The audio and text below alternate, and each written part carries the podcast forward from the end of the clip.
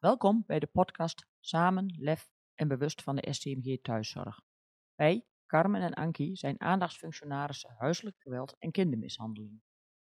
Ik ben Carmen en ben thuisbegeleider en videohondtrainer bij de afdeling thuisbegeleiding. Ik ben Ankie en werk als wijkverpleegkundige bij de STMG. Bij de STMG voegen we bij onze cliënten waarde toe aan de kwaliteit van hun leven, waardoor men langer zelfstandig en veilig thuis kan wonen. STMG gaat uit van drie kernwaarden. We doen het samen, samen met de cliënt, mantelzorg, collega's en andere organisaties.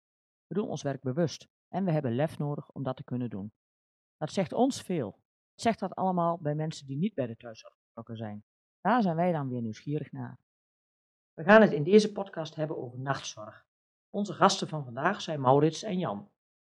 Welkom Maurits en Jan. Hebben jullie er zin in? Jazeker. Jazeker.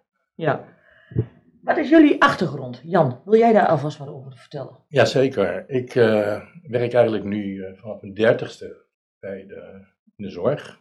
En ik ben nu 63, dus reken maar uit. Dat is al een geruime tijd. Ja. Ik heb twintig jaar lang in de verstandelijke gehandicaptenzorg gewerkt. En ik werk nu sinds 2010 bij de STMG. Juist in de reguliere uh, ja, thuiszorgende routes lopen. Met heel veel plezier gedaan.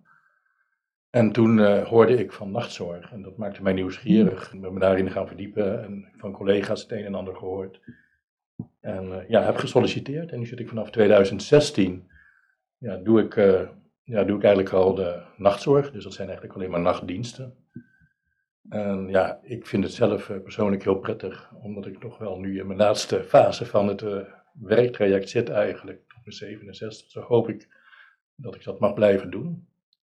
Wat hoorde jij over nachtzorg? Wat jouw keuze maakte om Nou, die stap zag- te zetten? Ja, ik zag eerst eigenlijk de advertentie en ik dacht van, nou ja, dat is wat ik eh, al eerder zei voor dit eh, gesprek voor, eh, ja, voor verpleegkundigen. Maar toen bleek het ook eigenlijk voor wijkziekenverzorgenden eh, haalbaar te zijn.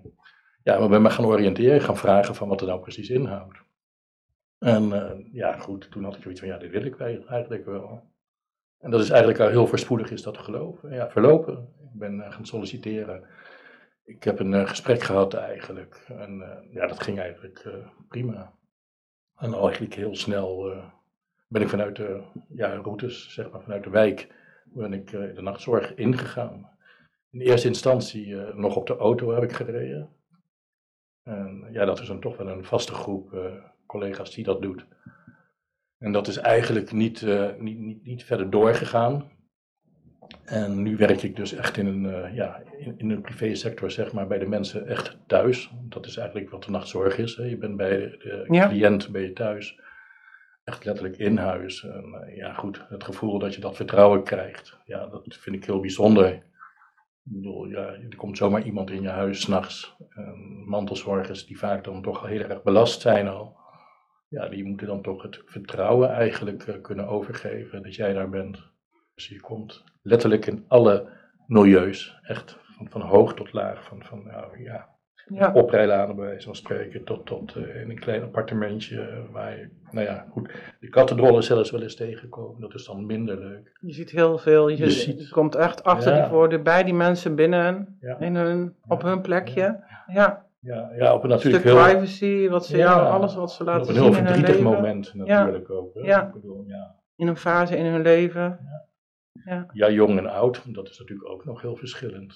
Ik bedoel, kijk, als ik bij iemand kom die zegt van 90 jaar of hoogbejaard en die zegt van nou jongen, letterlijk jongen, dat is dan toch wel heel bijzonder.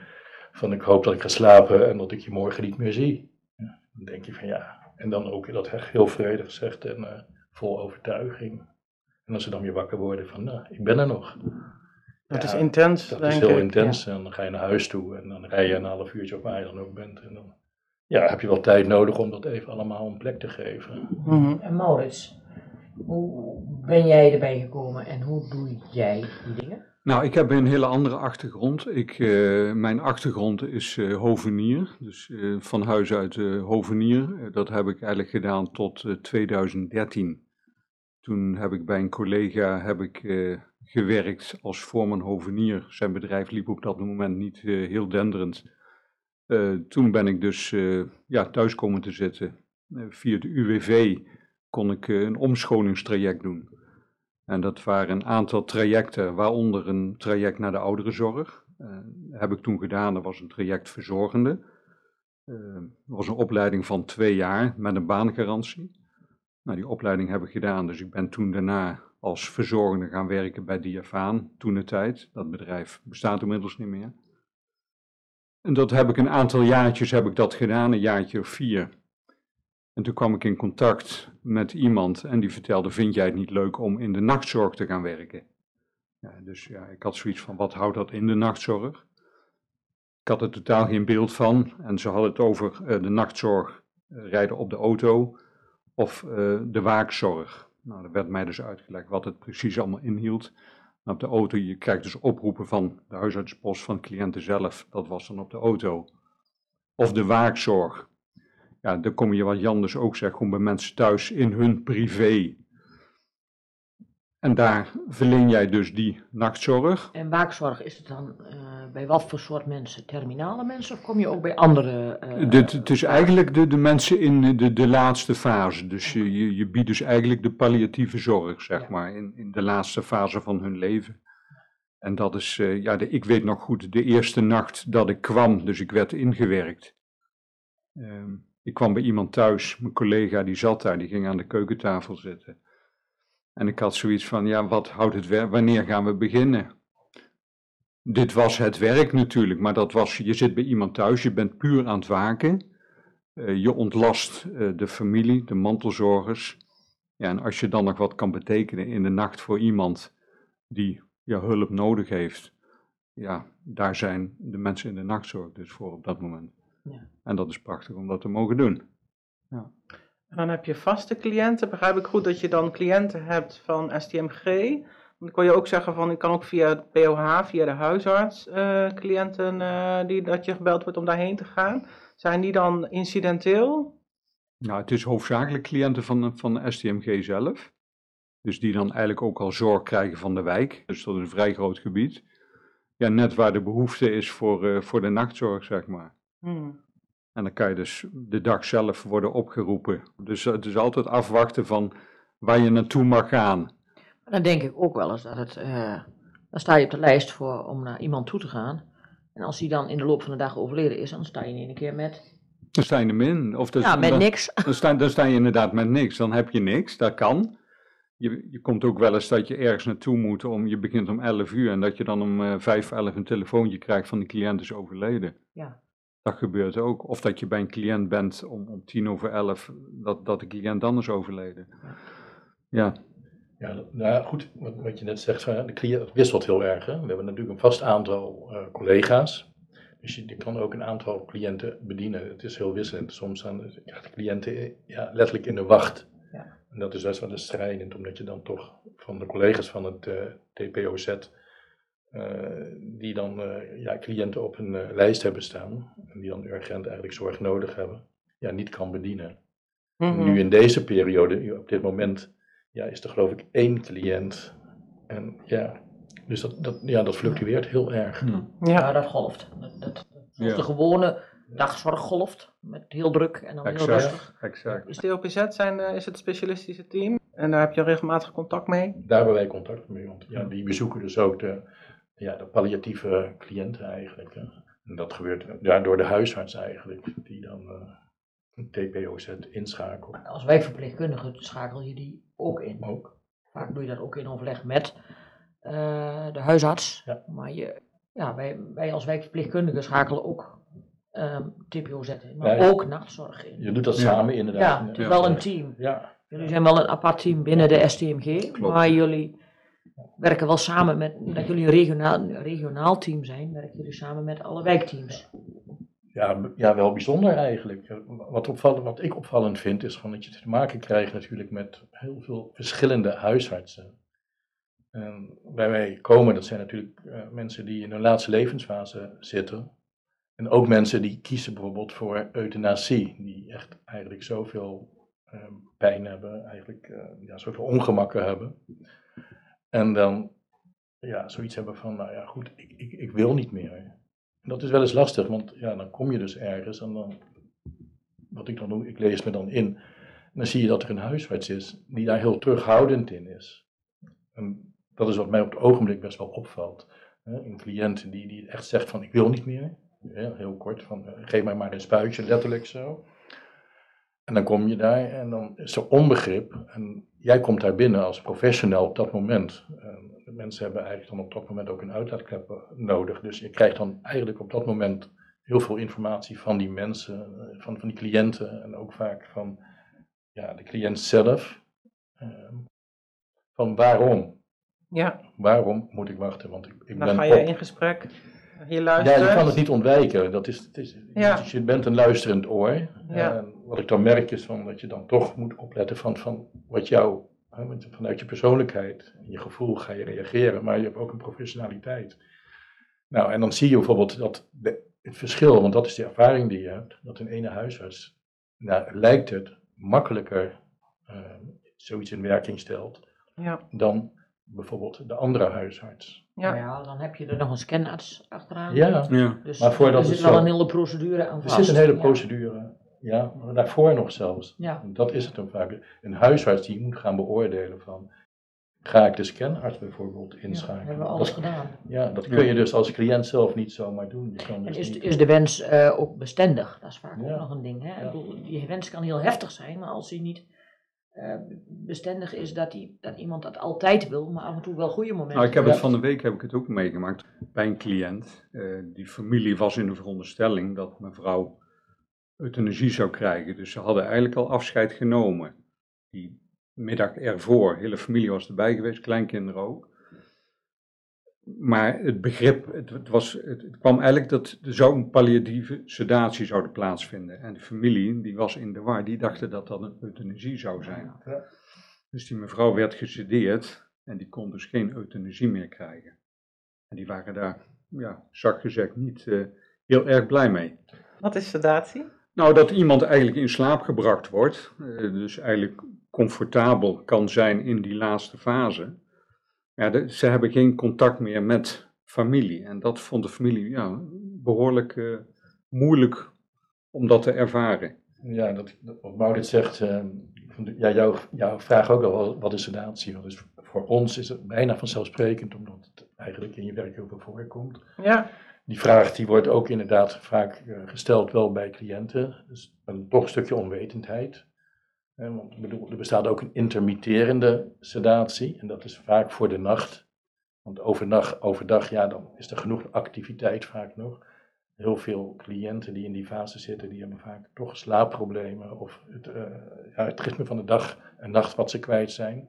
Dus dan kan een nacht heel lang duren. Dan ben jij daar wel. Maar als je s'nachts wakker bent, onrust of nou ja, bedenk wat dan er allemaal kan gebeuren. kortdurend in slaap Ja, gehouden. dat gaat in overleg, dus inderdaad, Ja. dat is, hè, vaak is het ook de cliënt zelf die zegt van ik wil gewoon slapen, ik wil rust omheen. En ook ja, zeg maar van je collega's de professionaliteit, als je ziet dat iemand gewoon eigenlijk heel oncomfortabel is, angstig, dromen heeft.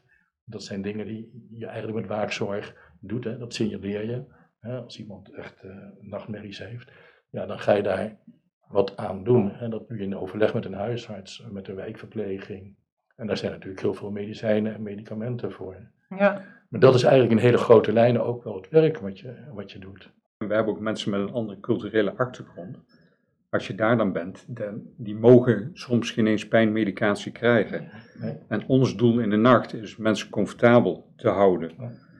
En dan wordt dat eigenlijk afgehouden. Als, ik, als wij dan bijvoorbeeld in de nacht zien dat iemand niet comfortabel is en dat we dan pijnmedicatie willen geven, dan zegt de familie: nee, dat mag niet, dat willen we niet. Dat zie je ook heel veel inderdaad in, in, met het cultuurverschil. Ja. Want wij hebben hier in het Westen een soort verstervingsbeleid. Hè. Dat is, dat wordt, als iemand gewoon heel erg ziek is en wordt gesedeerd en slaapt, dan is het heel moeilijk om iemand dan te laten drinken. Want ja, iemand verslikt zich, dat kan gewoon eigenlijk niet. En toch met een andere cultuur is het zo van, dat bestaat daar bijna niet. Want je moet eten en drinken Hmm. blijven geven. Want als je geen eten en drinken geeft, gaat iemand dood. Terwijl het ook andersom kan zijn. En terwijl het ook Als andersom meer- kan zijn. je niet meer eet en drinkt omdat je doorgaat. Ja. Ja, ja. Je moet ergens de kans krijgen. Dus dat zijn dilemma's waar je soms wel eens mee te maken Ja. krijgt. Van, Leeftijd, hè, oudere mensen, jongere Ja. mensen. Hmm. hoe ga je daarmee om? Vraag ik me. Ik, ik hoor inderdaad eh, eh, dat je met heel veel ingewikkelde Ja. dingen te maken krijgt. Wat vraagt dat dan van jou? Ik denk van soms zijn ze op een gegeven moment ook heel jong. Ja. En dan staan er twee kleine kinderen bij het bed. Ja, dan komt dat voor je gevoel wel erg binnen. Dan is dat denk ik wel van erg onnatuurlijk om dat op dat moment te zien natuurlijk. Hè? Ja. Iemand op die leeftijd al te zien sterven, die dan hun vader of moeder moet, eh, moet verliezen op dat moment. Ja. Ja, wat jij ook zegt, hè, van, van eh, hoe ga je daarmee om? Dat is ook soms heel moeilijk, want je komt natuurlijk het eerste moment, hè, de eerste indruk, je komt bij een cliënt binnen en ja, dan is het, net wat ik net al zei, jij bent de professional, zo, hè, zo, zo zien ze jij, ja, zo, ja, zo zien zij jou ook. Absoluut. En Ook, ja. dan, dan is het van, jij weet het. Nou, en ik weet natuurlijk niet alles. Ik bedoel, op een gegeven moment kom ik en dan, ja, is er een gevoel wat je hebt, er is een sfeer in huis. En dat zie je ook bij andere culturen. Soms is er een hele, ja, bijna feestelijke stemming van, van, van allemaal familie. Eh, eten en drinken is er. En, en ja, best wel heel veel drukte. En dat vind ik dan persoonlijk wel eens moeilijk. En ik probeer dan wel eens op- ja, uit te leggen dat rust heel belangrijk is. Maar dat is natuurlijk heel persoonlijk. Want Ja. In Ja. hun cultuur is dat dan niet eh, Nee. relevant Dus inderdaad. Nee. dat, dat moet je, ja, ja, voorzichtig, ik weet niet hoe ik het moet eh, omschrijven, maar wat ik net al aan het begin zei, je probeert vertrouwen te krijgen en dat is ook een gevoel, dat heb je. Eh, of ja, dat is er niet, want ja, je, komt ook wel eens ergens waar mensen gewoon heel erg achterdochtig zijn, omdat ze gewoon hele nare ervaringen hebben vanuit het ziekenhuis of een huisarts die niet luistert en wat dan ook openlijk wordt uitgesproken. Dus een Ja. bepaalde boosheid die er dan heerst. Ja, en dan probeer ik altijd ja, die rust te creëren. Door gewoon wel met ze in gesprek te gaan. En veelal meer luisteren dan dat je gaat praten. Dus gewoon hun mensen hun verhaal laten vertellen. En ja, dan kijken van nou, wat is nou de vraag? Wat is nou onduidelijk? En dat, lukt, dat lukt meestal dan wel. Ik bedoel, je hebt in wezen heel veel tijd. Je hebt geen tijdsdruk. En dat is wel het voordeel eigenlijk van ons werk. Als je bijvoorbeeld in een route loopt en je bent bij cliënten, dan heb je 10 minuten bij die, 10 minuten bij die. En wij komen om 11 uur bij een cliënt. En als je dan om 2 uur s'nachts nog met familie zit te praten, ja, is dat is natuurlijk geen, ja, niet, niet een punt, zeg maar. Mhm. En ik moet zeggen dat dat wel eh, ja, een, een voordeel is. Dat dat voor mijn Ik gevoel denk dat het ook heel veel lucht geeft. lucht geeft. Families. En dan inderdaad, als je dan eh, vooral. 's ochtends naar huis gaat en Ja. de cliënt is nog in leven. Hè, want ja, dat kan ook zomaar zijn dat de cliënt gewoon in de loop van de nacht overlijdt. Maar het gebeurt ook dat je soms dagen en soms weken Mhm. bij eenzelfde cliënt komt met een aantal andere collega's. Dus dan heb je Mhm. een band, want dan ben je al verschillende nachten daar geweest.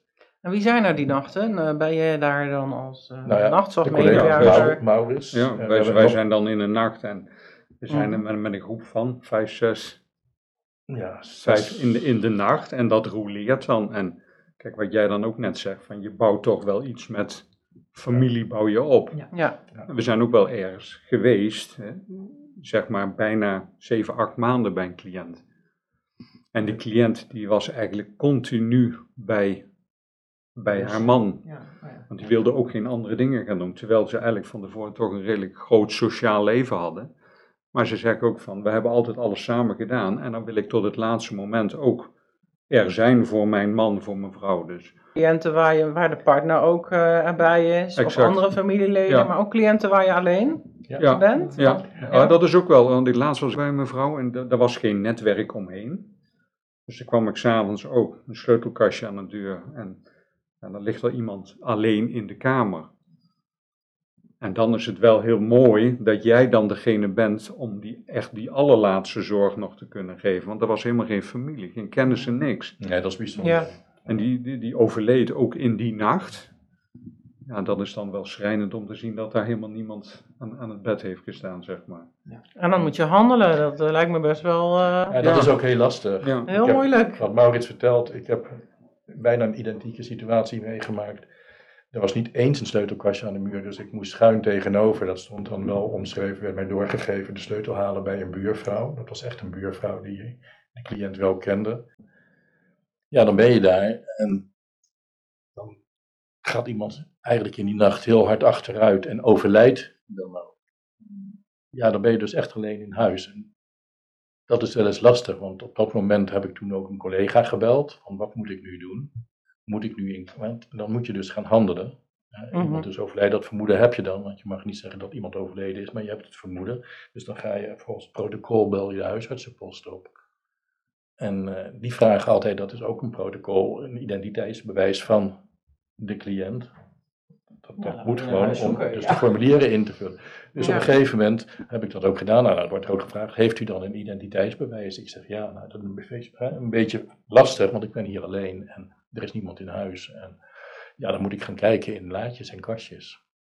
Nou goed, dan is dat zo, ja, een soort toestemming, want wat is toestemming? Maar goed, het- is wel nodig, je moet weten wie. Dus dan ga je zomaar in iemands huis, ga je in laadjes zitten kijken. En Ja, dat is wel Heftig. heftig eigenlijk. Want ja, je trekt laadjes open, waar je zelf dan denk je, nou, daar zou ik het neerleggen of daar zou ik het neerleggen. Nou ja, je kan er dus donder op zeggen dat je het dus niet vindt. Hè, dat je van alles tegenkomt, de meest rare dingen, maar niet een paspoort of niet een ID-kaart. Ja, Ja, dan op een gegeven moment was het echt zo, ik, zeg, ja, ik belde terug, ik zeg, ja, ik kan echt niets vinden. Ik zeg, ik heb een taxipasje, daar staat inderdaad de naam op. Nou ja, goed. Met veel moeite had de arts eigenlijk zoiets van, ja, dan moeten we dat nu maar gebruiken. Maar ook in dat geval te veel, en er is een contactpersoon in je notitie, dus die had ik ook al gebeld. En daar wordt niet op gereageerd. En dan heb ik altijd zoiets, dan moet ik nu inspreken. Er wordt alleen maar gezegd van, hè, u bent eh, verbonden met dit en dit nummer, dus geen naam. Dus ik weet ook niet zeker of dat wel klopt. Ja. En dan denk ik, moet ik dan een bericht gaan inspreken, wat heel gevoelig ligt. En dat heb ik dus ook niet gedaan. je krijgt dan ineens met onzekerheden te Ja, maken. dus op een gegeven moment heb ik wel gezegd van, nou, ik zeg, ik ben bij de cliënt waar ik dan was. Dus de volgende ochtend om acht uur werd er wel op teruggebeld. En dat was best, ik was al thuis. En ja, dat raakte mij best wel. En die was gewoon druk, die kon niet komen. Dus die vroeg letterlijk zo van, nou ja, goed, eh, is, eh, moet ik komen? Ik zei, nou ja, de huisarts is geweest, zeg maar. Ik zeg, het enige wat er nu wel moet gebeuren is dat er een uitvaartondernemer gebeld moet worden. Want dat had ik, s ochtends toen ik wegging, naar de bereikbare dienst wel doorgegeven. Ik zeg, ik trek nu de deur dicht. Het was ook een moment wat best wel naar is. Want je gaat weg en je laat iemand overleden in een huis liggen. En er ligt gewoon een dood iemand in huis, terwijl jij dus in je auto stapt en naar huis rijdt. Ja, Dus ik had wel mijn collega gebeld, de bereikbare dienst, van nou, dit is de situatie. Nou ja, goed, zij zei ook van nou, wij gaan er straks heen. En dan eh, de pompen ophalen, de morfinepomp, want die waren dus al eh, aangesloten, die had ik dan afgekoppeld. Maar dat is een rare situatie, dat blijft dan wel even in de loop van de dag, blijft zoiets bij Ja. je dan Ja, ik merk gewoon dat ik nu ook heel veel zit te vertellen. Maar zo, ja, net voordat we hiermee begonnen had ik Maurits een verhaal verteld over een eh, cliënt waarbij ik binnenkom en ik denk van nou, daar zit een kleinzoon. Dus ik zeg dat ook zo van nou hallo, ik zeg je bent de kleinzoon van meneer hè, die en die. Nee, zegt hij, ik ben zijn zoon. Nou goed, dat is weer een verhaal op zich. Maar dat, ja, dat zijn hele bijzondere situaties waar je dan inrolt. ja. Ja. Vraagt flexibiliteit. Allebei op de auto gezeten. Ja. Ja. Maar dat is natuurlijk een hele andere tak van nachtzorg. Ja. Ja, dat is zeker. Dat is, eh, ja, je krijgt oproepen van, eh, van, van de cliënt zelf, van, van de alarm zelf wat ze om hebben, of van, van de, de, de huisartspost. Ja, en dat kan ook in het hele grote gebied zijn natuurlijk. eh. ik heb ook wel eens gehad dan, dan iemand die belt in zijn appartement dat ze uit bed gevallen is. Ja, binnen wat voor tijdsbestek kan je daar zijn? Mensen willen natuurlijk dat je alle minuut Ja. bij hun bent, maar ja, dat, dat lukt niet. Nee, dat is En dat is, soms is dat wel lastig, dat je denkt van je moet wel dan e- e- even rust kunnen bewaren en denken van ook de tijd daarvoor nemen en niet iets anders afrafelen en dan meteen weer weggaan. Ja. Dat, dat kan niet. En dan mis je soms wel je handjes, zeg maar, eh, in de Ja. nacht. Ja, want ik zeg dat ook altijd bij ons tegen cliënten als uh, nachtzorg. En, en ik zeg, je kunt altijd bellen, je kunt Ja. altijd overleggen. Ja, Maar eh sta er wel bij stil als je hulp nodig hebt, dat het langer kan duren. Want het Ja. nachtteam Ja. werkt regionaal. Ik zeg, wij werken lokaal in, in, in een gebied. ja, En dat, ik zeg, dan hebben we een andere, aan, dus andere soort aanrijdtijd precies. dan, eh, dan, dan dit. Ja, dat is wel ja, grappig, maar het is wel opmerkelijk dat je dat zegt van je kan altijd bellen, want dat, dat, dat hoorden wij toen ook wel eens. En er werd wel eens gebeld en dan eh, was het van ja, ik heb mijn afstandsbediening die is eh, op de grond gevallen Oh. en daar kan ik niet bij. In hun beleving In is hun dat, beleving was is dat dat dus een, goed. eh, ja, maar ja, dan moet je wel kunnen. kunnen Ik Ja. bedoel dus in medicatie. Ja, ja, Nee, maar daarin is het dus veel veranderd. Je, je hebt geplande zorg en ongeplande Ja. zorg. toen was er dus ook eigenlijk geplande zorg. En dat waren dan momenten dat je dus naar een cliënt ging. En dat waren een aantal cliënten in die nacht. Om dus een verschoning, een controlemoment. En dat is nu volgens mij veel en veel minder. Dus, Nee, controlemomenten zijn dat, er eh, niet nee, dat, dat was Ja. toen dus wel zo. Ja. Dan reed- En dan reden we ook naar Oost. En dan keek je eh, of iemand er in bed lag en of het glaasje water nog eh, vol genoeg was. Ja. En dat is dus nu in de loop van de tijd ook wel veranderd. Ik kan me ook En- voorstellen dat ju- zoiets juist onrust geeft. Van je komt bij iemand, Ja. die ligt dus netjes in bed, die Ja. slaapt. Maar met dat jij de deur dicht trekt, Ja. wordt zo iemand wakker en die Ja, gaat dat, is, dat is ook zo. Eigenlijk is dat dus gevaarlijker, Ja, denk is het ik. ook, hè? Maar Ja. tegenwoordig willen ze wel vanuit de overheid dat mensen natuurlijk ook veel langer thuis, thuis blijven. En, en, en, vroeger was het zo, je kon veel makkelijker eh, de, de verzorgingshuizen inkomen. Ja, dat, dat wordt steeds moeilijker Ja. nu natuurlijk. Maar je langer thuis blijft, ja, natuurlijk ook met alle gevaren van dien, denk ik dan. Ja. Dus het wordt er uiteindelijk niet makkelijker op, denk ik. Nee, maar je moet ook nadenken dan, net zo met dat soort controlemomenten. Je denkt dat je het veiliger maakt, maar eigenlijk maak je het onveilig. Exact. Ja, het geeft exact. onrust vaak. Ja. Dat, dat maar, en vooral bij iemand die cognitief niet, niet helemaal lekker meer in orde is. Nee, precies. Ja, die maak je dan net. Maar het is wel moeilijk ook voor de mantelzorgers. Hè? Want Ja. je kan natuurlijk niet 24-7 een mantelzorger erop zetten, hoe graag ze dat ook zouden willen. Ja. En er zijn vaak families die, ja, die hebben echt wel een redelijke dekking over de dag genomen. Maar ja, hun hebben ook hun eigen leven. Nou ja, dan zou je dan met domotica kun je natuurlijk ook een hoop. hè? Dat kan, maar dat is natuurlijk niet overal is dat natuurlijk thuis. Nee. En ja, dat is soms wel lastig. Ze willen graag natuurlijk dat familie thuis kan blijven. Ja. Ja, als het niet kan, ja, dan, dan is er een optie of naar een hospice of eh, een, verzorgingshuis als dat, eh, als dat kan natuurlijk. Ja. ja, die plek moet er zijn. Die moeten Mensen net moeten willen. Ook dat, ook dat. En vaak willen ze dat niet. La- Laatst ook bij een mevrouw, die heeft 55 jaar woonde zij in hetzelfde huis. En die mevrouw zei tegen mij van, kan jij mij beloven dat ik hier kan sterven? Zei, Ja. nou, dat, kan, dat, dat, ging mij wel, dat deed mij wel wat. Toen zei ik, dat kan ik niet. En dan hoorde ik twee dagen later, had de familie besloten, dat ze alsnog naar een hospice is gegaan. Ik denk van, dan woon je zo lang in dat huis, maar de familie kon dat niet waarborgen. Om thuis te blijven. Dat vond ik ook wel sneu. Dat, zijn Ja. dilemma's en dat zie je soms inderdaad ook. Dat een cliënt gewoon zeg maar de belastbaarheid van de mantelzorgers voelt van, van kinderen. Dus ik ben een last voor mijn kinderen en, eh, en dat zijn vaak dan toch de echt oudere eh, cliënten, nog helder. En die besluiten dan inderdaad op het laatst zelf van, nou ik ga toch maar naar het hospice toe, want mijn kinderen die wonen best wel ver weg en dan moet die komen.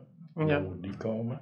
Ik zie in de thuisbegeleiding werk ik ook met ouderen en bijna alle cliënten waar ik werk, die willen thuis blijven Ja. tot het Ja. einde. Ja. Ja. Ja. Hoe moeilijk ze het ook vinden of hoeveel kwaaltjes ze ook hebben, maar inderdaad, ja, als je al 55 jaar in een huis Oude woont, moet je niet meer Maar ik denk altijd- ja, Maar en dan denk- is dat wel heel, wel heel schrijnend. Is ook heel schrijnend, maar aan de andere kant denk ik, als je, want dan probeer ik dan wel eens naar jezelf te koppelen, we worden allemaal zelf ook ouder, dan denk ik dat is ook heel menselijk. Want ja, je moet je voorstellen als je thuis bent en je bent ziek, en dan nog helder van geest, want dat is natuurlijk ook wel een ding wat natuurlijk meespeelt. En, en je moet je huis uit eigenlijk. Je weet gewoon dat je je huis uitgaat en nooit meer terugkomt. Ja.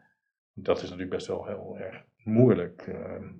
Dat zijn echt wel stappen. Dan moet je echt Ja, loslaten. Dat is wel eh, moeilijk. Ik ben Ja. ook een cliënt en, en dat was nog een man uit het zakenleven, nog redelijk jong. Door zijn ziekte echt totale verzorging nodig had.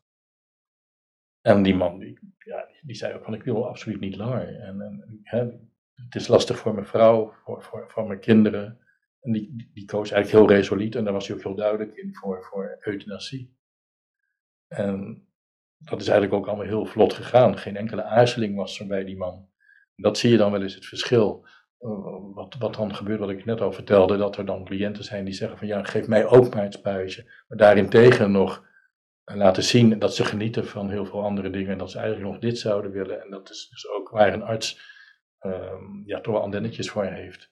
mhm. En dan is die tijd voor euthanasie is er dus niet. Terwijl zo'n cliënt zelf gewoon het gevoel heeft van maar ik wil niet meer. Maar en wat doe jij dan naar die Nou, cliënt toe? Om Dan luister je, dat is, dat is lastig. Want daar moet je voor jezelf ehm, wel een, een weg in, in, in kiezen. Want dat is je eigen gevoel. Nou, dat moet je soms niet, uitschakelen, maar dat moet je soms wel even op een, zijspoor neerzetten. En ook het respect hebben, eh, begrip voor te hebben voor, voor, voor die beslissing van die cliënt. Maar ook bijvoorbeeld de huisarts. Want het is heel makkelijk om te zeggen, geef mij maar een spuitje. En dat is ook waar we in Nederland eigenlijk hier, eh, ja, wat, wat wel een beetje een dilemma is. Eh, het lijkt allemaal heel makkelijk, maar het gebeurt heel zorgvuldig. En dat is voor een cliënt soms heel moeilijk te overzien. Want er wordt gezegd, ja, maar ik leid en het, ik heb geen het leven meer. ja, het is Maar geen tegelijk- plicht hè, van de huisarts. Het is Nee, het is geen, geen nee. Dat is het. Hij mag het geven, hij kan het doen als, als hij Dus de procedure voldoet. zo. Ja, en dan kom je dus op dat andere, hè, wat je dan ook in het nieuws leest van, van zelfdoding en dat soort dingen. Nou, dat zijn dus inderdaad gewoon de, ja, de dilemma's. De, waar, waar je mee, ja, ik in ieder geval, want ik heb daar wel eens moeilijk mee. Ik vind dat wel eens lastig. Mhm. Omdat je inderdaad dan een band hebt opgebouwd. En eh, ja, waarbij dan iemand eh, echt zegt van, nou, maar ik heb zoveel pijn en dat zie je dan ook.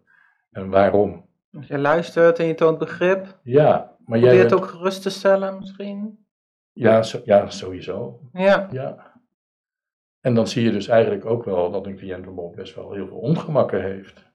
En dan ga je naar huis toe en dan denk ik van ja, ik zit daar dus acht uur, hè, want je begint om elf uur, je gaat om zeven uur weg. En dat merk ik dan wel eens. Een huisarts die komt op een moment binnen en misschien net op het verkeerde moment, het is maar net hoe je het wil bekijken, het verkeerde of het goede moment. Ik bedoel, Het dat- een moment van ja, dat ligt, dat ligt heel dicht bij elkaar. En dan zet een huisarts, die, ja, die wordt op het verkeerde been gezet. Of het goede been, dat is maar net, hè, dat, dat is dus eigenlijk, eh, ja, dubieuze eigenlijk. Maar ja, daar kun je natuurlijk dan wel in samenwerken. Goed in rapporteren. Dan Ja, is huisarts ook Ja, jouw beeld maar dat kent. doet- En klopt. van, want die moet van het totaalplaatje wat maken. Ja. Want die weet ook donders goed dat hij eh, Ja. ook een moment binnenkomt. Nou, en dan is- kan een fit moment zijn, dan kan een niet fit moment zijn. Vaak is dat ook En dan heb je als die, een nacht, huisarts. die permanente nachtzorg, heb je daar tijd voor. Ja, heb je tijd voor, maar ja, je, je kaart dat aan bij een huisarts. Hè. Je, je, je, je legt de situatie van de cliënt voor, dus ze kunnen inlezen in het ECD, dus ze lezen de situatie in. Maar dan is het nog van een afstand hè, dat ze over die cliënt lezen. Het is toch anders. Ja, maar ik denk dat soms ook die afstand ook juist wel goed is. Ja, maar dat is ook zo, dat is ook zo. Maar ik vind het wel dat, dat, dat wij dan hè, Wel een taak hebben. wel een taak hebben om, om daar gewoon wel een, een duidelijk beeld naar een Ja. arts toe te brengen. Ja, een, een goede beslissing daarin kan maken. Ik denk dat dat wel heel belangrijk is Ja. voor de nacht. dat, heb, dat hebben wij ook wel. Niet, niet zozeer direct, denk ik, naar de huisarts zelf toe. Want eh, daarmee heb je natuurlijk wel vaak de gesprekken s'nachts, wanneer je dus een huisarts nodig hebt. Want overdag, bij, als de eigen huisarts eh, zeg maar dienst heeft, spreek je die niet. Maar de TPOZ, het team TPOZ, Mhm. Die heeft dus wel de gesprekken met de huisarts. Die gaat dus wel eh, op huisbezoek eh, overdag. Daar hebben wij wel eigenlijk gewoon ja, goed contact mee. En ook wel door te rapporteren, maar ook vaak wel door telefonisch contact. Want dat ik, heb, ik heb wel dat ik naar huis rijd en dan denk ik, ja, het is niet klaar. Het is niet voldoende van wat ik geschreven heb, zeg maar. Dus dan probeer ik die collega te bellen. Eh, geef dan eigenlijk ja, mijn, mijn verslag min of meer gewoon via de telefoon door. En van, van nou ja, er, er er moet echt wel naar gekeken worden. Meer dan dat, want het is een momentopname geweest wanneer de huisarts geweest is. Maar ik heb vannacht heel wat anders meegemaakt. Nou, en dan kan dat best wel een druppel zijn, dat het dan eigenlijk zoiets is van, ja, nu wordt er gehandeld. Ja, of juist niet. Dat is niet verkeerd, hè? Dat, dat, het, het is allebei goed. Ja. Als je het goede signaal kunt geven. Ja. Eh, en, en, en, Ja, en, en een huisarts kan dan wel een, eh, zeker weten dat hij een afgewogen eh, besluit kan nemen. Ja, Maakt het niet uit ik- wat hij wat ik besluit. dan- Wat ik dan bedoel is dat er dus echt, hè, want wij spreken over comfortabel en oncomfortabel. Mhm. En ik hoor ook wel eens dat mensen dan iets hebben van, ja, wat moet ik me daarbij voorstellen? Ja, dat is gewoon heel eigenlijk simpel. Wanneer iemand gewoon ondraaglijke pijn heeft en, en zoveel ongemakken heeft en echt ligt, ligt de kermen van, van pijn en onrust en angst. En dan denk ik, dat mag niet lang duren. En dan denk ik echt in die zin van zelfs aan, aan, aan minuten. Dus dan, als ik om acht uur wegga of om zeven uur wegga en ik, ik, ik zie dat, dan moet er gehandeld worden. Ja. En dan is het vaak wel zo van, hè, over medi- hè, medicijnen, en morfine of wat dan ook. Want vaak zijn die interventies nog niet eens eh, aan de orde. En dan denk ik, da- daar moet gewoon niet te lang mee gewacht worden. Het is continu een afweging die je maakt. Ja, Mhm. ja. Ja. Dat, dat zijn wel, ja, dat vind ik nog steeds hoor, heftig. Mhm. Dan denk ik van ja, dan ga je naar huis en dan lees je van mijn, van mijn moeder of uh, was onrustig, pijn. En nou, nogmaals, dat merk ik nu ook zo ik zit te praten, dat dat soms heel heftig kan zijn. Uh, dat je daar ook gewoon echt uh, op dat moment iets, iets moet doen. Dan, Ja. dan, Ja. We lopen een beetje richting einde podcast. Ja. Ik had nog één vraag. Waar haal je voldo- voldoening uit in je werk? Nou, eigenlijk, Waar krijg je energie van? ik denk als je daar bent, eh, als, je, als je daar bent binnen, binnen, binnen, binnen een gezin, binnen een familie, eh, als je daar gewoon eh, de, de zorg kan leveren, eh, dat mensen comfortabel zijn, dat je ze kan ontlasten, eh, dat, dat ze blij zijn dat je geweest bent, dat je goede zorg hebt kunnen leveren. Toevallig hoorde ik dat laatst terug van iemand van TPOZ. En dat ze het heel fijn vonden dat ik die laatste zorg voor moeder heb kunnen leveren nog. Zodat hun toch een beetje rust konden hebben in die nacht. En dat het ja, toch gegaan is zoals ze zelf gewild zouden hebben. Ja. De vrijheid die je hebt, ook in, in het nachtwerk, dat is ook wel, ja, dat vind ik ook heel prettig. Stukje waardering. Ja, Dankbaarheid. Ja, vooral. En- en de vrijheid ook in Ja, je werk. exact. Ja. Ja. Ja, en het vertrouwen. Dat vind ik nog altijd het mooiste. En dat iemand gewoon ook echt eh, op een gegeven moment zijn hoofd op de kussen kan neerleggen. En dan ook echt, eh, s ochtends, eh om dat spreken, probeer ik wel eens af te spreken. Ik zeg wat, hè, als ik kom van, ik ga om zeven uur weg, zie ik u nog? Of, nou ja, hè. en als je dan iemand ziet van, ik heb ja, rustig kunnen slapen. En hoe is het? En dat je je verhaal vertelt over de nacht. En ja, dat, dat, dat, dat, dat is wel bijzonder. Ja, Net mooi. Ik er trillingen van. Ja, het is ook, het is, het is heel mooi, weet je. Ik, ik, ik ben zelf nog hovenier. Ik heb zelf nu nog een hoveniersbedrijf. Maar als ik zie wat een voldoening ik haal uit het werk van de nachtzorg, dan kan dat andere werk voor mijn gevoel niet aan tippen dan. Ja. Ja. Weet je, dat is natuurlijk ook mijn passie, maar hetgeen wat ik in de nacht mag doen, ja, dat is zo, zoveel, heeft zoveel waarde. Ja. Ja, ik vind laat je veel zien, denk ik. Ja, Ook voor de- de jezelf, menselijke voor jezelf kant. In je, je eigen leven gaat staan. Exact. Ja. En wa- waar gaat het in het leven om? Ja? Ja. En ieder heeft natuurlijk zijn eigen levensverhaal. En dat is ook mooi om te horen van, eh, van mensen. Zeg. Het laat denk ik wel meer de essentie zien. Waar het echt om waar je gaat het voor in het doet. leven, Niet hè? voor die mooie auto, maar Exact. je leven. en dat hoor je heel veel terug. Je gezin, je En je mensen waar je gezinnetje, je, kleine kringetje. En voor de rest is eigenlijk alles op. Ja. Het zijn echt alle lagen, dat is wat ik net zei, Ja. komt dus echt letterlijk overal. Zo. Sterven is voor iedereen eh, niet hetzelfde, maar dat Nee. heeft iedereen te gaan. En dan maakt die auto niet meer uit. En of je nou in een grote villa woont of, of, of in een appartementje. Nee, en het Nee. verdriet ook. Ja, Ja, dat is eigenlijk wel- dan gaat het erom hoe je je leven geleefd hebt. En Maar mensen worden ook kleiner naarmate Ja. je daar binnen bent, wat jij ook zegt. Je wordt klein, ook al heb je alles.